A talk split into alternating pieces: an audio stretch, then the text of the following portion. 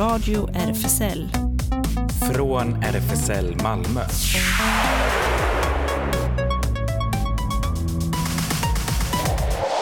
Välkommen till Radio RFSL, Riksförbundet för homosexuellas, bisexuellas, transpersoners, intersexpersoners och queeras rättigheter. Ellen heter jag, bakom teknikerbordet och inne i studion är det fullt. Det är ju det. Två fascinerande gäster har vi här. Jag är Claes och Soledad heter jag. Och Alejandra. Välkomna. Tackar, tackar. Tack så mycket. Ja, ni eh, är bakom eh, podden Parallellsamhället. Eh, och även bland flera bakom den pågående studiecirkeln Dekolonialitet. Som vi ska höra mer om. Och nästa träff blir den 12 ja, det stämmer. april. Ja, men bra det. Och sen var vi ju på premiär du och jag i lördags på Malmöoperan, fallet Makropolos. Så den ska vi recensera. Just det, och så blir det nyheter och eh, det händer förstås. Eh, men eh, vi eh, kör igång med eh, ett eh, låtförslag från Sahar som tyvärr inte kunde vara med. Men skickar med denna med Tammy T apropå Transgender Day of Visibility som var i fredags.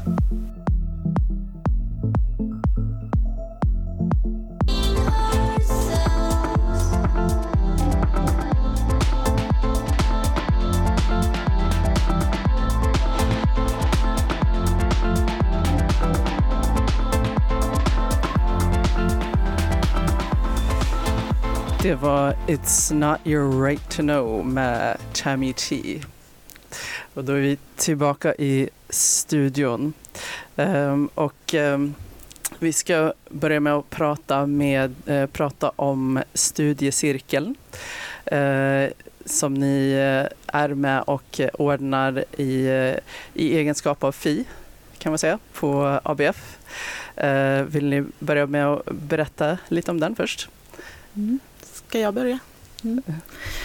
Nej, men, eh, studiecirkeln är ju egentligen eh, på grund av att FI Malmö då har tagit ett beslut om att det vi vill en av sakerna som vi verkligen vill jobba med det är ju folkbildning. Och i sig så grundar sig det på ett kongressbeslut eh, från FI nationella för två år sedan om att vi vill vara som parti en del av den in, koloniala rörelsen globalt. Ehm, så att utifrån det så bestämde vi oss för att skapa en studiecirkel kring dekolonialitet och vad det handlar om. Kan du beskriva dekolonialitet? Ja, ehm, det är ju ofta så att folk kanske inte vet så mycket om just vad dekolonialitet är men man kanske har hört vad postkolonialitet är, i alla fall vanligare. Och, ehm, det finns ju flera olika skillnader men en stor skillnad är ju vad ursprunget är. Och man brukar ju säga att eh, dekolonialitet kan, som begrepp kanske kom lite senare, men dekolonialitet som en reaktion mot det som blev den europeiska expansionen med 1492 och Europas då invasion av det territorium som vi idag känner med, med namnet Abya då som, som, eller vi idag, förlåt, vi känner idag med namnet Latinamerika. Eh, men då eh, bland annat kallas Abya eh, att, eh, att det börjar liksom med det motståndet som sker i och med invasionen av det här territoriet. Så det kanske inte fanns som begrepp, men har funnits. Och den grunden gör ju att ha påverkat hela vägen. Det påverkar hur vi ser på samhället, vilka problem vi ser och också vilka lösningar vi ser. Eh, alltså enkelt sagt så brukar vi säga att dekolonialitet handlar just om att ta avstams i olika kosmovisioner, globala syds kosmovisioner. Och det handlar om att ifrågasätta allt som vi då har lärt oss är sanning, verklighet och vad som är rätt, hur vi ska göra saker på. För att sedan avlänka oss från detta och eh, helt enkelt omskapa en annan värld, en värld som rymmer många världar. Och detta är ju lite till skillnad då från till exempel postkolonialism som vi kanske hör talas om lite mer. Där det inte handlar om att omskapa en annan värld utan där det mer handlar om att hur vi inom denna värld kan förändra. Lite typ reformera det systemet som redan finns istället för att göra oss av med detta system och bygga någonting helt annat. Det låter som ett stort projekt. Ja, det är ju en, en lång, stor vision när vi säger att det, det vi vill är ju att en annan värld är möjlig. Ehm, så det, men vi tänker att det systemet som vi har och som har ett ursprung i 1492 är också, som man säger inom dekolonialismen, ett dödssystem. Ett system som håller på att ta koll på hela planeten ehm, med sin kapitalism och imperialismen och patriarkat och så vidare. Och det är det som dekolonialismen syftar till att ja, bryta helt med. För det behöver vi inte mer av. Och det är ju ett stort mm. projekt, men det är mm. också det, det handlar inte alltid om oss. Nej. Utan det handlar ju både om de vars fotspår vi går i, men också om kommande generationer. Så att kanske att vi inte ser en förändring nu, men det är värt det i slutändan för kommande generationer. Alltså den här kampen är så mycket större än bara oss här och nu. Vi har bara en värld och det gäller att försöka bevara den på bästa möjliga sätt. Ja, inte bara bevara utan just det här med att omskapa. Att vi verkligen tror på att det finns och det går att göra en annan värld med ett annat system, med andra värderingar, med andra sätt att se på människan, naturen och på oss som kollektiv till exempel. Och hur funkar er studiecirkel? Mm. Ni skapar redskap för detta eller? Ja, men framförallt så handlar det ju liksom om att förstå vad, vad handlar dekolonialitet om? Och det är ju liksom att egentligen att ifrågasätta, som Alejandra sa i början, vad det som vi har fått lära oss som, som är sanningar. För de stämmer ju inte alltid. Som eh, till exempel? Ja, men till, det som har med normer att göra. Vi tänkte att vi liksom skulle också prata lite var, varför koppla det här med queerhet. Att ifrågasätta normer, ifrågasätta vad vad, vem det är som får lov att göra kunskap, vad som räknas som legitim kunskap och så vidare. Um, så att det som har varit den röda tråden såklart i, i vår studiecirkel som fortfarande pågår, som Ellen sa här att det nästa gång, nästa onsdag den 12 det är ju dekolonialitet men vi har ju haft olika teman och senaste temat var ju queerhet. Och vi kommer nästa tema ha om eh, same, samiska feminismer till exempel. Och en stor del inom mm. dekolonialitet är ju också just att bryta med dikotomierna som finns. Och det finns ju överallt i samhället. De här dikotomierna, kvinna, man, kultur, vetenskap, allt vad det är. Vi, de, civiliserade och vilda. Och det finns ju verkligen överallt. Vi har ju idag till exempel, antingen ska man vara för Putin eller för NATO. Varför inte avsäga sig både och och liksom välja något helt annat alternativ? Exakt. Eh, studiecirkeln pågår.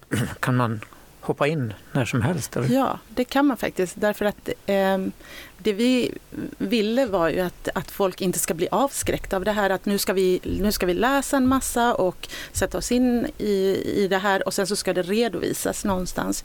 Utan det ska ju finnas en möjlighet att komma och hoppa in där vi är. Vi tänker att vi gör kunskap tillsammans. Vi skapar det här tillsammans också så att vi har inga krav på att man ska ha gjort vissa. Ingen examen efteråt? Nej, Nej, det är det inte. Ja, vi ska fortsätta men Alejandra, du har valt första låten. Ja, låten Brujeriet med Lomas Bello som är en colombiansk eh, transaktivist och afroättling. Reina por encima del otro. Buen presagio, qué buen presagio, qué buen presagio, qué buen presagio. Qué buen presagio. Då är vi tillbaka i studion och vi ska fortsätta med eh, att gå närmare in på queerhetens plats i dekolonialitet. Ja, och då tänker vi då hur detta hänger ihop med queerheten. Ja, men precis. Och det har ju att göra med ifrågasättandet av normerna, av de här normerna kring familjebildning, tvåsamhet, sexualitet, könsnormer och var det här kommer ifrån. För att det här är ju från början också koloniala eh, påfund egentligen. Världen, vi brukar ju säga att världen var queer innan, innan kolonialismen och innan västvärlden och Europa kom på liksom att man kunde göra teori på queerhet. Så var ju världen queer. Um, och då hade vi det som ett eh, tema förra gången som sagt. Där vi gick in på, eh, på de här sakerna för att det finns ju även eh, liksom, forskare som har tittat på det här i globala syd. Hur såg det ut? Hur ser det ut i andra samhällen? Och att det här eh, till exempel med tvåsamheten och, och eh, heteronormativiteten och så vidare är ju någonting som kommer med det, eh, patriarkatet, det kristna patriarkatet. Egentligen inom dekolonialitet så skiljer man ju mellan eh, kristendom, mm. som är själva religionen, och det man på svenska skulle kunna översätta till kristianism, som är när man gör statsreligion, liksom, eller använder liksom, religionen i statens namn för att eh, förtrycka eller för att liksom, eh, imponera sina, eh, sin kosmovision. Så kan man väl säga. Det ser man ju otroligt tydligt i Uganda till exempel, där de säger att all, vi har aldrig haft homosexualitet i detta land, vilket ju är lögn. Det var ju helt accepterat innan mm. viktorianska eran kom. Mm. Och det intressanta är ju att det även i, inom Europas territorium också var så eh, på många ställen innan det här kristianismen liksom, eh, kom då, som gick hand i hand med kolonialismen. Och, så att det, det är liksom eh, egentligen inget som har kommit, som är, ibland kan västvärlden typ, eh, vad ska vi säga, liksom lyfta den här queera fanan som om det var någonting som är modernt. Eh, för moderniteten brukar man ju också säga att det är andra delen av dekolonialiteten. Att moderniteten går hand i hand med kolonialiteten. Och man brukar dela upp mm. kolonialiteten i maktens kolonialitet, i görandet och varandet och kunskapens kolonialitet. Och det blir så tydligt inom akademin när man försöker göra queerhet och queerteori att tillhöra den poststrukturalistiska eran.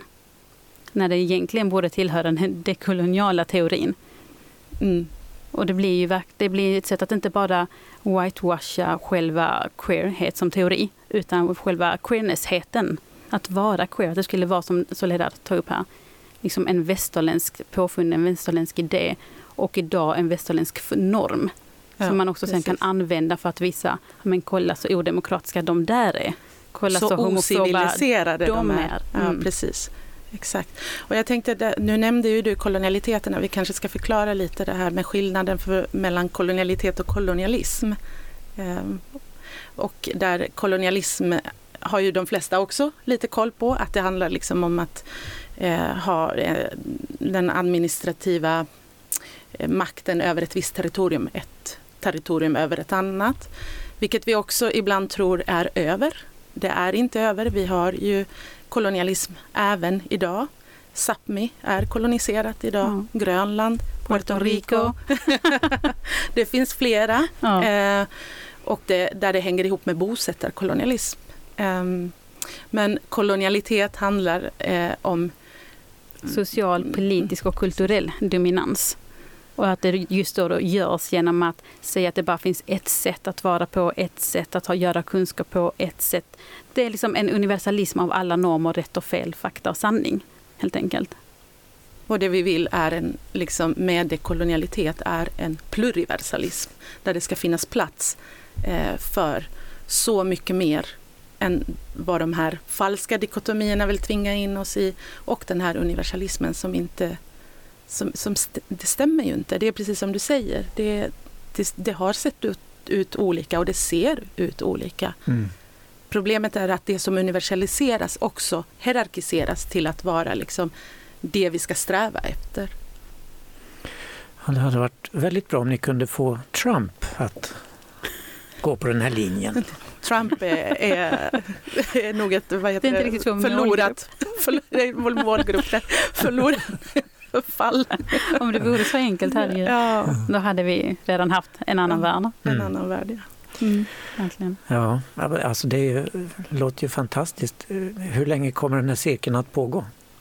Ja, det är 10 maj var väl sista omgången, men vi tänker väl oss att att vi ska fortsätta med ja, det här. men verkligen. Vi kommer göra om det, göra det flera gånger och det kanske fortsätter ännu längre. Det är också det någonting vi har valt att inte ha en strikt mall om exakt vad och hur det kommer vara. Utan utifrån gruppens behov, vilken riktning tar gruppen, vilken riktning önskar gruppen. Och kanske att vi då trycker in en träff till eller inte. Men det finns ju på vår Instagram framförallt och Facebook Just så det. lägger vi alltid upp inför varje träff.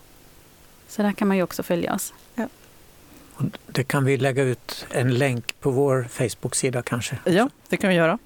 Och eh, då går ju också att höra er ännu mera. Eh, I podden. vad, då, vad då? Ja, vi har ju en podd som är den följer också lite ostrukturerat hur ofta vi lägger ut saker, men parallellsamhället. Eh, där vi bland annat pratar om de här sakerna, dekolonialitet, men även andra teman som kopplar till att, ja men till exempel till att vara rasifierad i det här landet. Eh, Migration. Ja, egentligen vi har ju sagt att det är verkligen en podd om livet och i livet ingår ju allt. Och livet är Ja, det är politik, stort politik i livet. Ja, Mm.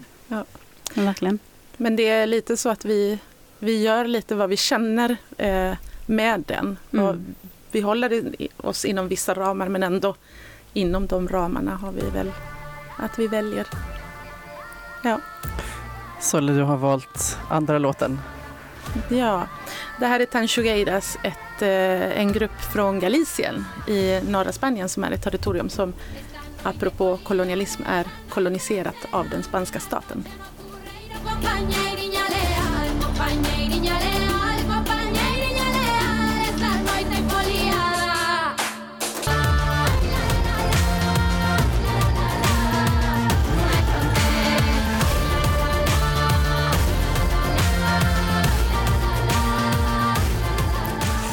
Tillbaka i studion. Ja, det var en, en bra låt och den hade kunnat bli Spaniens bidrag i Eurovision. Det hade den. För att folket röstade ju för den men juryn röstade inte för den. Ja, synd. Mm. Mm. Hade nog kommit rätt långt, tror jag, i Eurovision. Tror jag också. Annan musik ska vi prata om nu, nämligen operan på Malmö Opera som hade premiär i lördags, fallet Makropolos. Och det är ett stiligt program man alltid får numera på Operan, där det förklaras. Och I det här programmet så hälsar Bengt Hall publiken välkommen igen. Och det är kul, han var chef i olika omgångar men trodde han avgick trodde han själv då, eh, för ett antal år sedan. Men nu med krisen på Operan så har han kallats in igen. Så nu är han där. Och fallet Makropolis. Vad, vad tyckte du om detta Ellen, när vi gick ut ur salongen? Eh, ja, det var ganska spännande tyckte jag. Eh, och uh, framförallt orkestern, det måste jag ändå säga. Ja. Eh, s- Strålande orkester vi har här i Malmö. Och Makropolis, eh, hon hette Elina Makropolis från början. Hon har levt i 337 år i olika länder under olika namn, får vi veta. Men alltid med initialerna EM.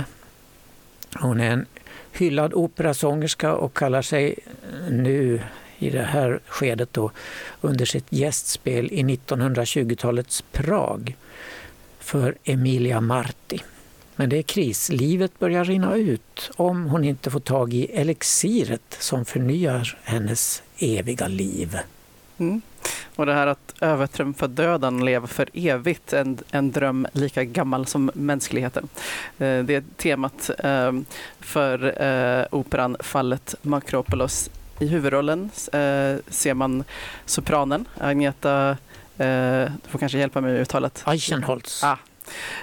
som började sin karriär just här på Malmö Opera. Ja, hon gjorde ju det. Och det förvaltar hon väl. Men operans bakgrundshistoria berättar att den tysk-romerska kejsaren Rudolf II, härskare i 1500-talets Europa, önskade sig evigt liv och han lät sin grekiske hov alkemist Makropolos tillverka ett elixir i det här syftet. Kejsaren ville se hur det fungerade så han tvingade Makropolos att prova elixiret på sin egen dotter, Makropolos dotter. Hon blev jättesjuk och låg i koma så länge som helst så kejsaren avstod. Men eh, hon repade sig så småningom och nu är det kris alltså. Mm. Och i i operan befinner vi oss eh, först i väntrummet i en domstol. Men det hade lika gärna kunnat vara på en järnvägsstation och det håller jag med om. Det, ja, det ser så ut. Ja, eh, och också lite så här mentalsjukhus. Ja. 50-tals eh, mentalsjukhus, i alla fall bilden jag har fått av det från filmer. Typ, ja. Eh, och sen förflyttas vi eh, till bakom scenen på Operan i Prag. Eh, och man skulle kunna tro att både regissören Elisabeth Linton, scenografen Julia Hansen och ljuddesignern Ulrik Gad älskar svenska filmskaparen Roy Andersson. För både stämningen i väntsalen med möbler, personer, ljus är som i en av Anderssons filmer. Och precis som där är det en massa personer i bakgrunden som inte har något med handlingen att göra. Till exempel en städerska som i ultrarapid fart putsar dörrhandtag eh, och ledstänger. En trist gubbe i trenchcoat som väntar på någonting och en mamma med ett barn med ballong. Ja, alltså, man blir ju väldigt fascinerad under hela ouvertyren där de drar eh, isär ridån så går den här städerskan oerhört långsamt och putsar försiktigt dörrhandtag och små lister. Man undrar vad, vad ska hon göra, men nej, hon bara gör detta. Ja, och huvudpersonerna då, främst Agneta Eichenholz som Emilia Marti, är helt strålande och hon har en slags knivskarp bräcklighet som gör att man både gillar och ogillar hennes rollfigur. Men på slutet så smälter man helt, i alla fall jag gjorde det. De båda parterna i det brottsmål vi får följa, det är liksom en thriller det här också. De heter Albert Gregor och Jaroslav Prus. De sjungs med kraft av Magnus Vigilius och Rodion Pogosov. Som advokat Kolenati hörs basen Lars Arvidsson och hans biträde Vitek sjungs av Thomas Wolle. Och Vitek har en historia för vid premiären på eh, Metropolitan i New York på 60-talet så den som då sjöng Vitek, han sjöng en replik Så länge kan man inte leva. Och så dog han. Knallfall, så de fick liksom ställa in resten av föreställningen där. Men det klarade sig nu Thomas Wolle från i alla fall. Men alla karlarna skärmas av Emilia som däremot håller sig kallsinnig och affärsmässig. Men hon skärmas, precis som vi i publiken, av den gamle gentlemannen Hauk Sendorf som spelas helt strålande av Bengt-Ola Morgny. Han, den gamle känner igen sin gamla spanska älskarinna, Eugenia Montes heter hon, från 50 år tillbaka. Han blir blixtrande glad att hon fortfarande är lika ung och vacker som då. Han uppvaktar henne med en liten, liten bukett väldigt slokande tulpaner. Men hon blir glad att se honom igen. Och eh, Malmöorkestern eh, var vi båda imponerade av då. Eh, under ledning av Patrik Ringborg. Som, ja, det, det, var ju lite, man undrar vad som hände i början där. ja, ändå. just det. för han, han kom ju in och eh, så här, alla klappade eh, och ja, det var, såg ut som att de var på väg att, att börja, ridån var på väg att gå upp. Men sen så gick han iväg ut. Ja, det var något buller på scenen bakom ridån och han försvann ut igen och var borta flera minuter. Ljuset började tändas lite grann. Eh, men så kom han in igen och fick han stormande applåder. Ja. Åh, äntligen! Ja, så vi, vi, spekulerade i om, om det var att han var missnöjd med applåderna, de första. att nej, bättre än så där får ni applådera om jag ska stå här och... Ja. ja, men de gjorde ett väldigt bra jobb. Ja, verkligen. Och eh, den här musiken, Janacek, är ju väldigt speciell. Det är modern musik skriven på 20-talet men det bollas toner mellan orkesterdike och, och solister och vad som sker. Så vid något tillfälle är det någon som säger något roligt så det skrattas på scenen och då skrattar orkestern också i olika instrument. Många sådana grejer. Jag tycker det är helt fantastiskt.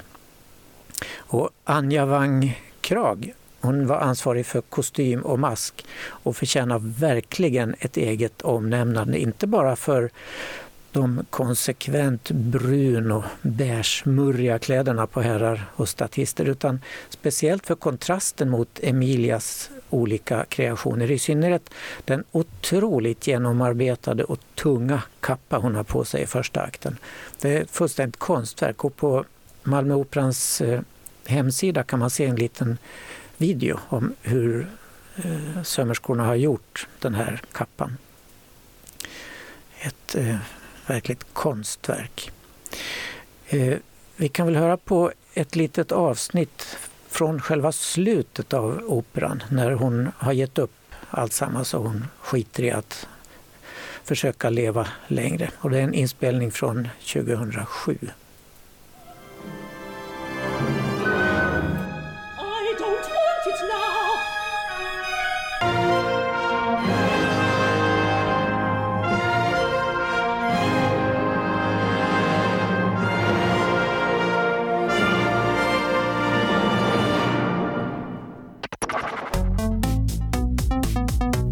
Radio RFSL Nyheter. Ja, innan vi går in på nyheterna måste jag bara komplettera lite här. Att här hörde vi en inspelning som är gjord på engelska men här i Malmö sjunger de allting på tjeckiska och bara att lära sig dessa långa läxor att sjunga det på tjeckiska måste ju vara ett mästarprov. Ja, det tänkte jag också på. Mm. Ja, men då går vi till nyheterna. Sverige stödjer EU-kommissionen i målet i EU-domstolen mot Ungern om den omstridda så kallade antipedofililagen som förbjuder att minderåriga ska få undervisning om homosexualitet i skolorna. Hur man nu kan koppla detta. EU-minister Jessica Rosvall, som är moderat, ser enligt Sveriges Radio ingen risk att det här skulle påverka Sveriges NATO-ansökan. Hon menar att Sveriges inställning är välkänd. Ungern har väntat med att ratificera Sveriges ansökan och hänvisar till Sveriges kritik mot Ungerns rättssystem. Det här är första gången som EU-kommissionen drar ett land inför EU-domstolen för brott mot EUs demokratiska värderingar. I mars uppmanade de tre organisationerna Forbidden Colors, Hutter Society och Reclaim alla EUs medlemsstater att ställa sig bakom kommissionen. Hittills har tio länder gjort så. De är Belgien, Luxemburg, Nederländerna, Portugal, Irland, Danmark, Österrike, Malta, Spanien och Sverige. Även EU-parlamentet har ställt sig bakom en juridisk prövning av de ungerska lagarna. Ett mycket välkommet besked med ett brett stöd bland EUs medlemsstater och i parlamentet. Jag hoppas att Sveriges ställningstagande, särskilt som ordförandeland, kan vara en knuff för fler länder att följa efter, sig Liberalernas EU-parlamentariker Karin Karlsbro, citerad av QX.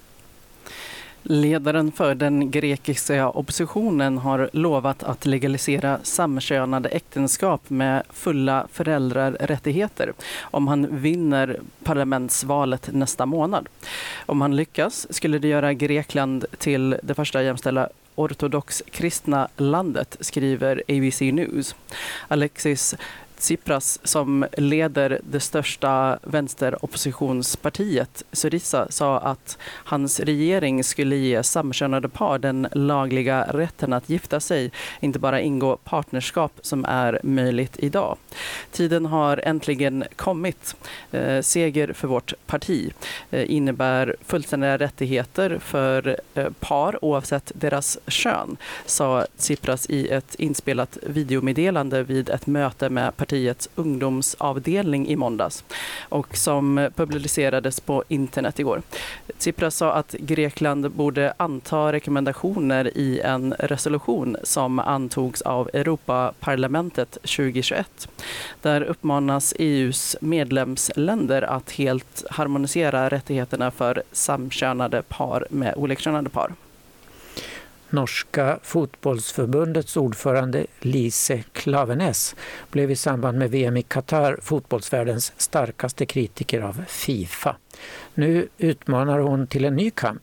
Hon vill bli den första kvinnliga förbundsordförande att väljas in i Uefas ledning, alltså den europeiska fotbollsgemenskapen.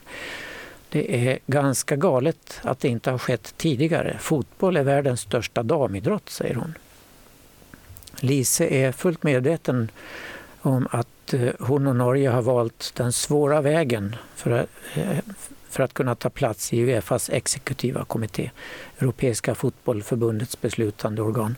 Hade hon bara räckt upp handen för att sitta på den stol som är vikt för en kvinnlig ledamot hade hon med all största sannolikhet stått utan motkandidat. Men hon vill inte bara bli inkvoterad. Så risken är stor att omröstningen som sker idag i Lissabon slutar med att Klaveness inte tar en av de sju platserna som står på spel. Alla tio motkandidater är män. Vi kommer att spela hela vägen tills domaren blåser av matchen. Det är det enda som betyder något för mig, säger Lise Klaveness med en metafor till TT. Aborträtten är ett hot mot nationen enligt högerextrem logik. I, I USA har ultranationalistiska grupper utfört flera våldsdåd mot abortkliniker. Är det bara en tidsfråga innan det smäller också i Sverige, frågar sig tidskriften Ottar i ett långt reportage.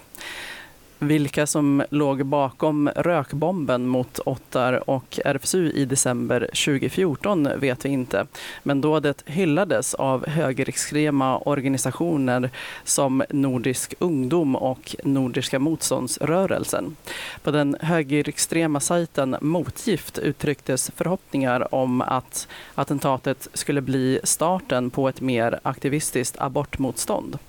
Så så har det inte blivit, men faran är absolut inte över. Vi har ett mer uppskruvat läge generellt nu, där ytterhögerns spelrum växer på grund av Sverigedemokraternas ökade inflytande. Viljan att utföra våldsdåd riktat mot aborträtten finns, eh, säger Morgan Finnsjö, eh, researcher på den antirasistiska stiftelsen Expo. Eh, och man kan läsa hela reportaget på sajten ottar.se. Efter en markant ökning av intresset hos eh, Svenska Filminstitutet har man nu tagit fram en utställning och en växande lista över Sveriges queera filmhistoria. Genom historien har sexuella minoriteter och normbrytande könsidentitet ofta förbisetts. Men skrapar man på ytan och är öppen för alternativa tolkningar går det att hitta många queera eh, undantag i filmhistorien, skriver Filminstitutet. Det finns många sätt att identifiera icke-heteronormativa uttryck i en berättelse utöver uppenbart fokus på exempelvis sexuell läggning, könsidentitet och relationer. Med utgångspunkt i den svenska biograf, biograffilmens historia har Filminstitutet tagit fram en utställning med fokus på queera skildringar. Den innehåller exempel på queera undantag i de annars ofta heteronormativa tolkade berättelserna. Men lyfter också ett urval filmer som skapat historia genom sina tydliga ställningstaganden. En introduktion till drygt hundra år av både ikoniska och bortglömda kärleksberättelser. Man kan bläddra sig igenom en digital version av utställningsskyltarna på Filminstitutets sajt.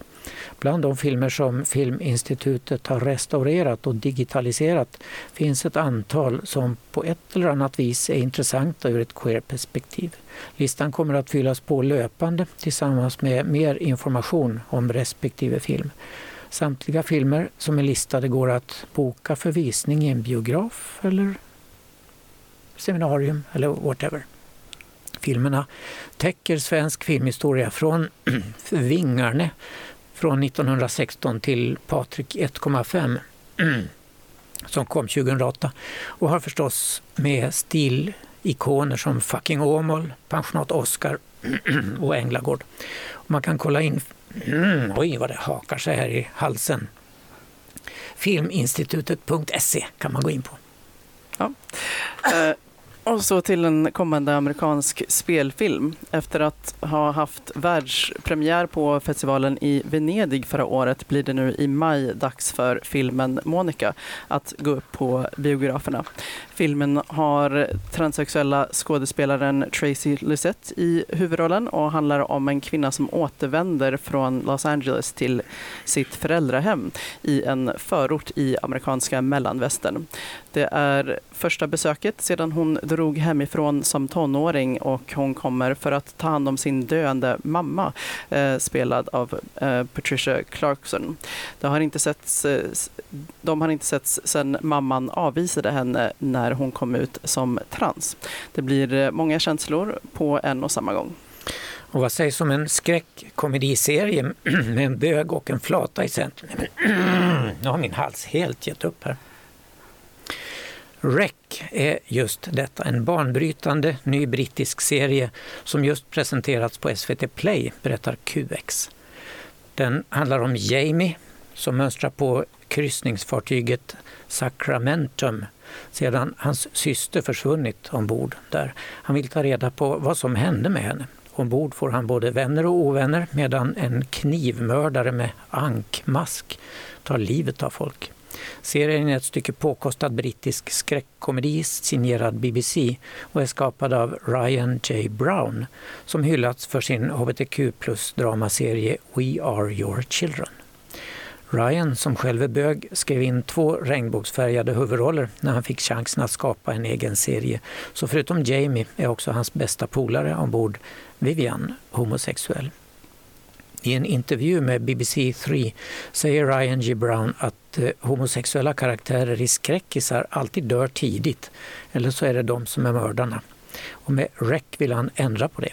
Som bög och skräck, skräckfan så anser jag att skräck alltid varit queer. Men det är alltid kodat, underförstått. Så då tänkte jag, nu skippar vi det och har istället synlig och tydlig representation. Serien har hyllats av brittiska hbtq plus media och dess påkostade färgglada inramning, smarta manus och inkluderande berättande fick bland annat tidningen Attitude att sätta den som 2022 års åttonde bästa serie med hbtq-tema. Och lite musik därifrån, Do We Need Protection med Steve Lynch.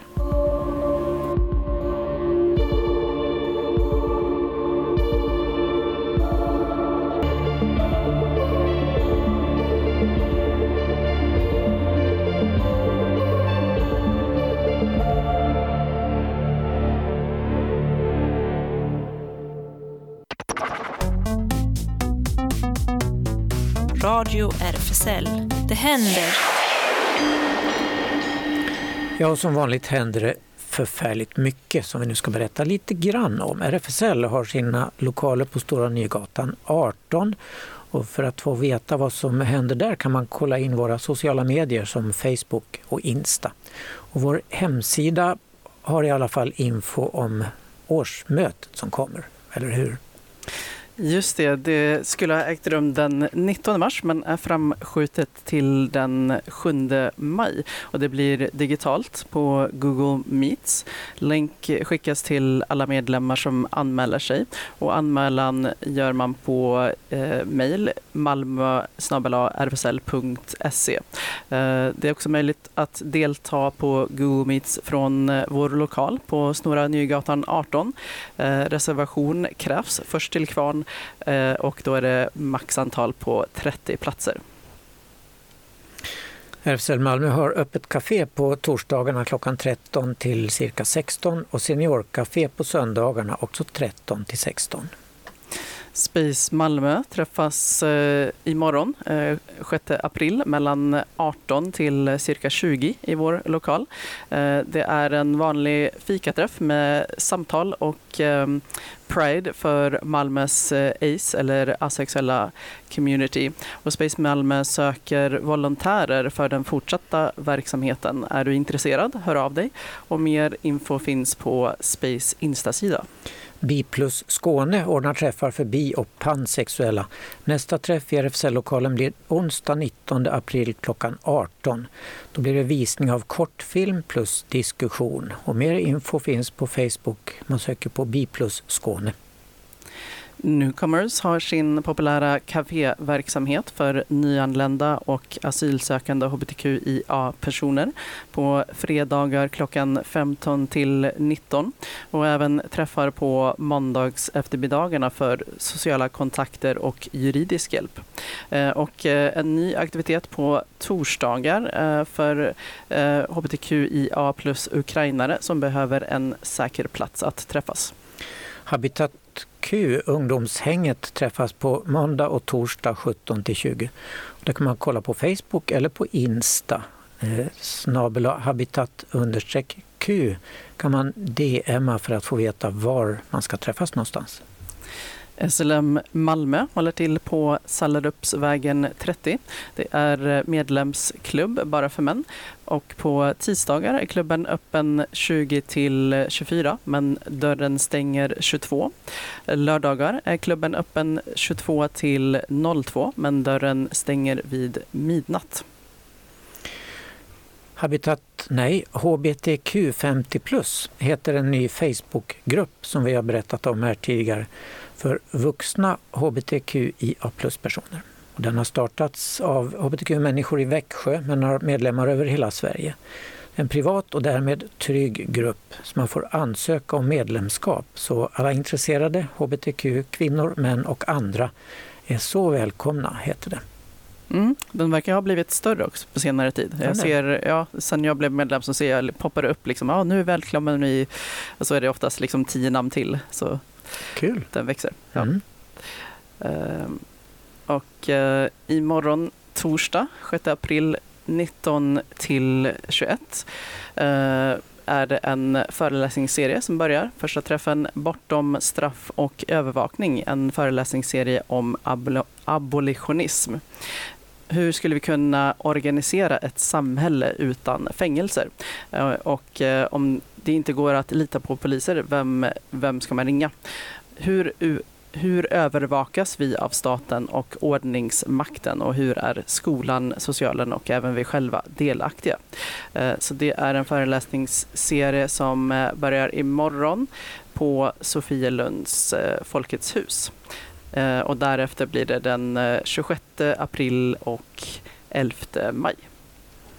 Och på fredag klockan 14 kan man gå på bio på Panora och se Kikis Expressbud. Det ingår i påsklovsbio på Panora. Det är ett fartfyllt äventyr om den unga häxan Kikis möte med den stora vida världen.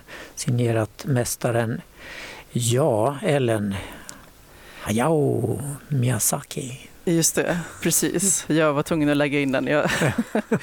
ja hade en eh, förkärlek för hans fyllor.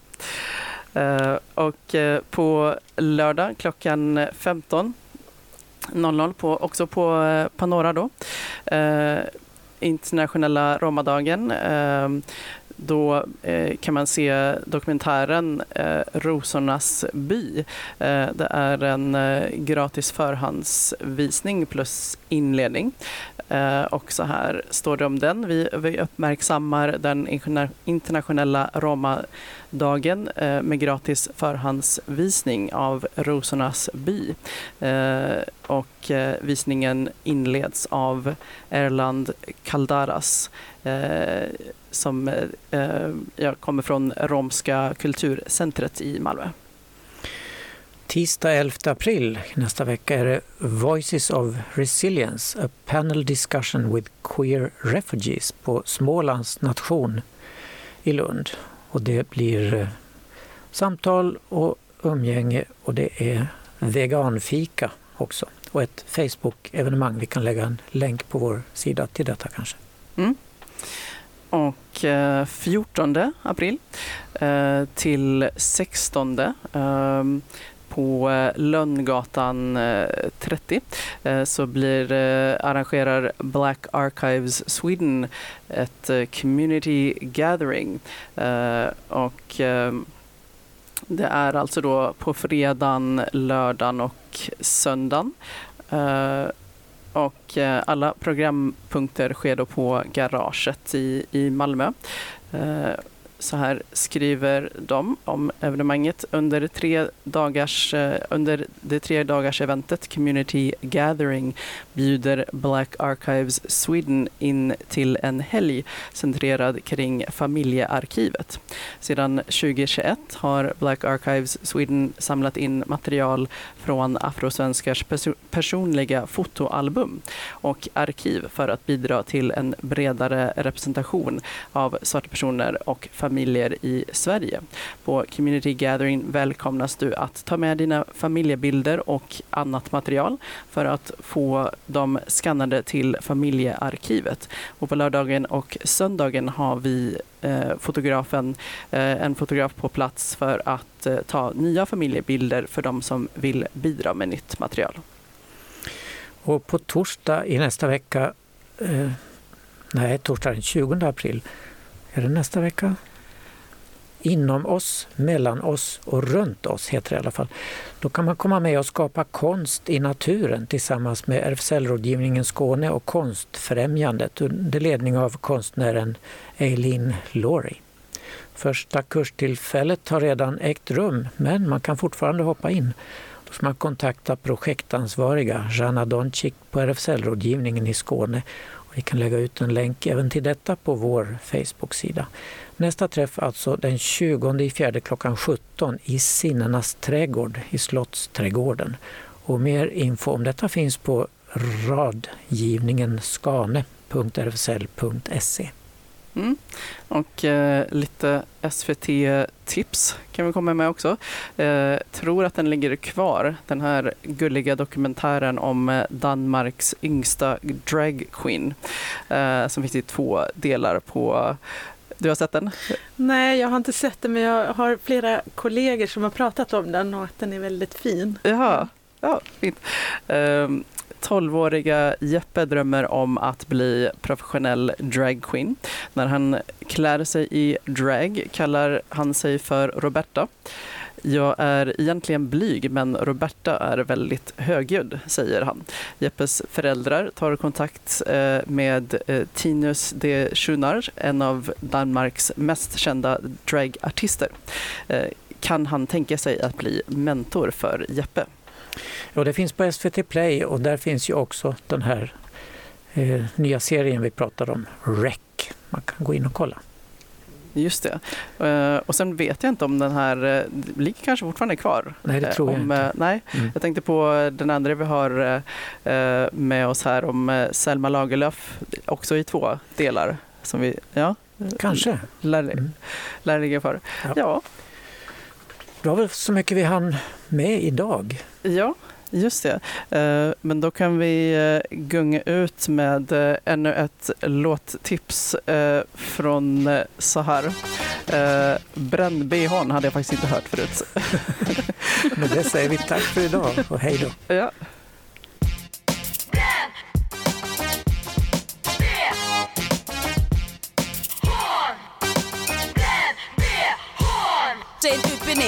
Kanske en vidare karriärsanställning med olika kön, olika lön för samma jobb. Det är en laglig robb, man får bara lust att klappa någon. Så släpp tuttar fria, hissa upp bhn. Här ses lite tempo. Jag vill veta, är med? Det här var Radio RFSL.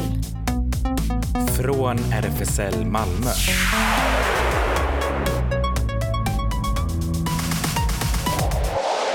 Kolla in Radio RFSL på Instagram och Facebook för mer information.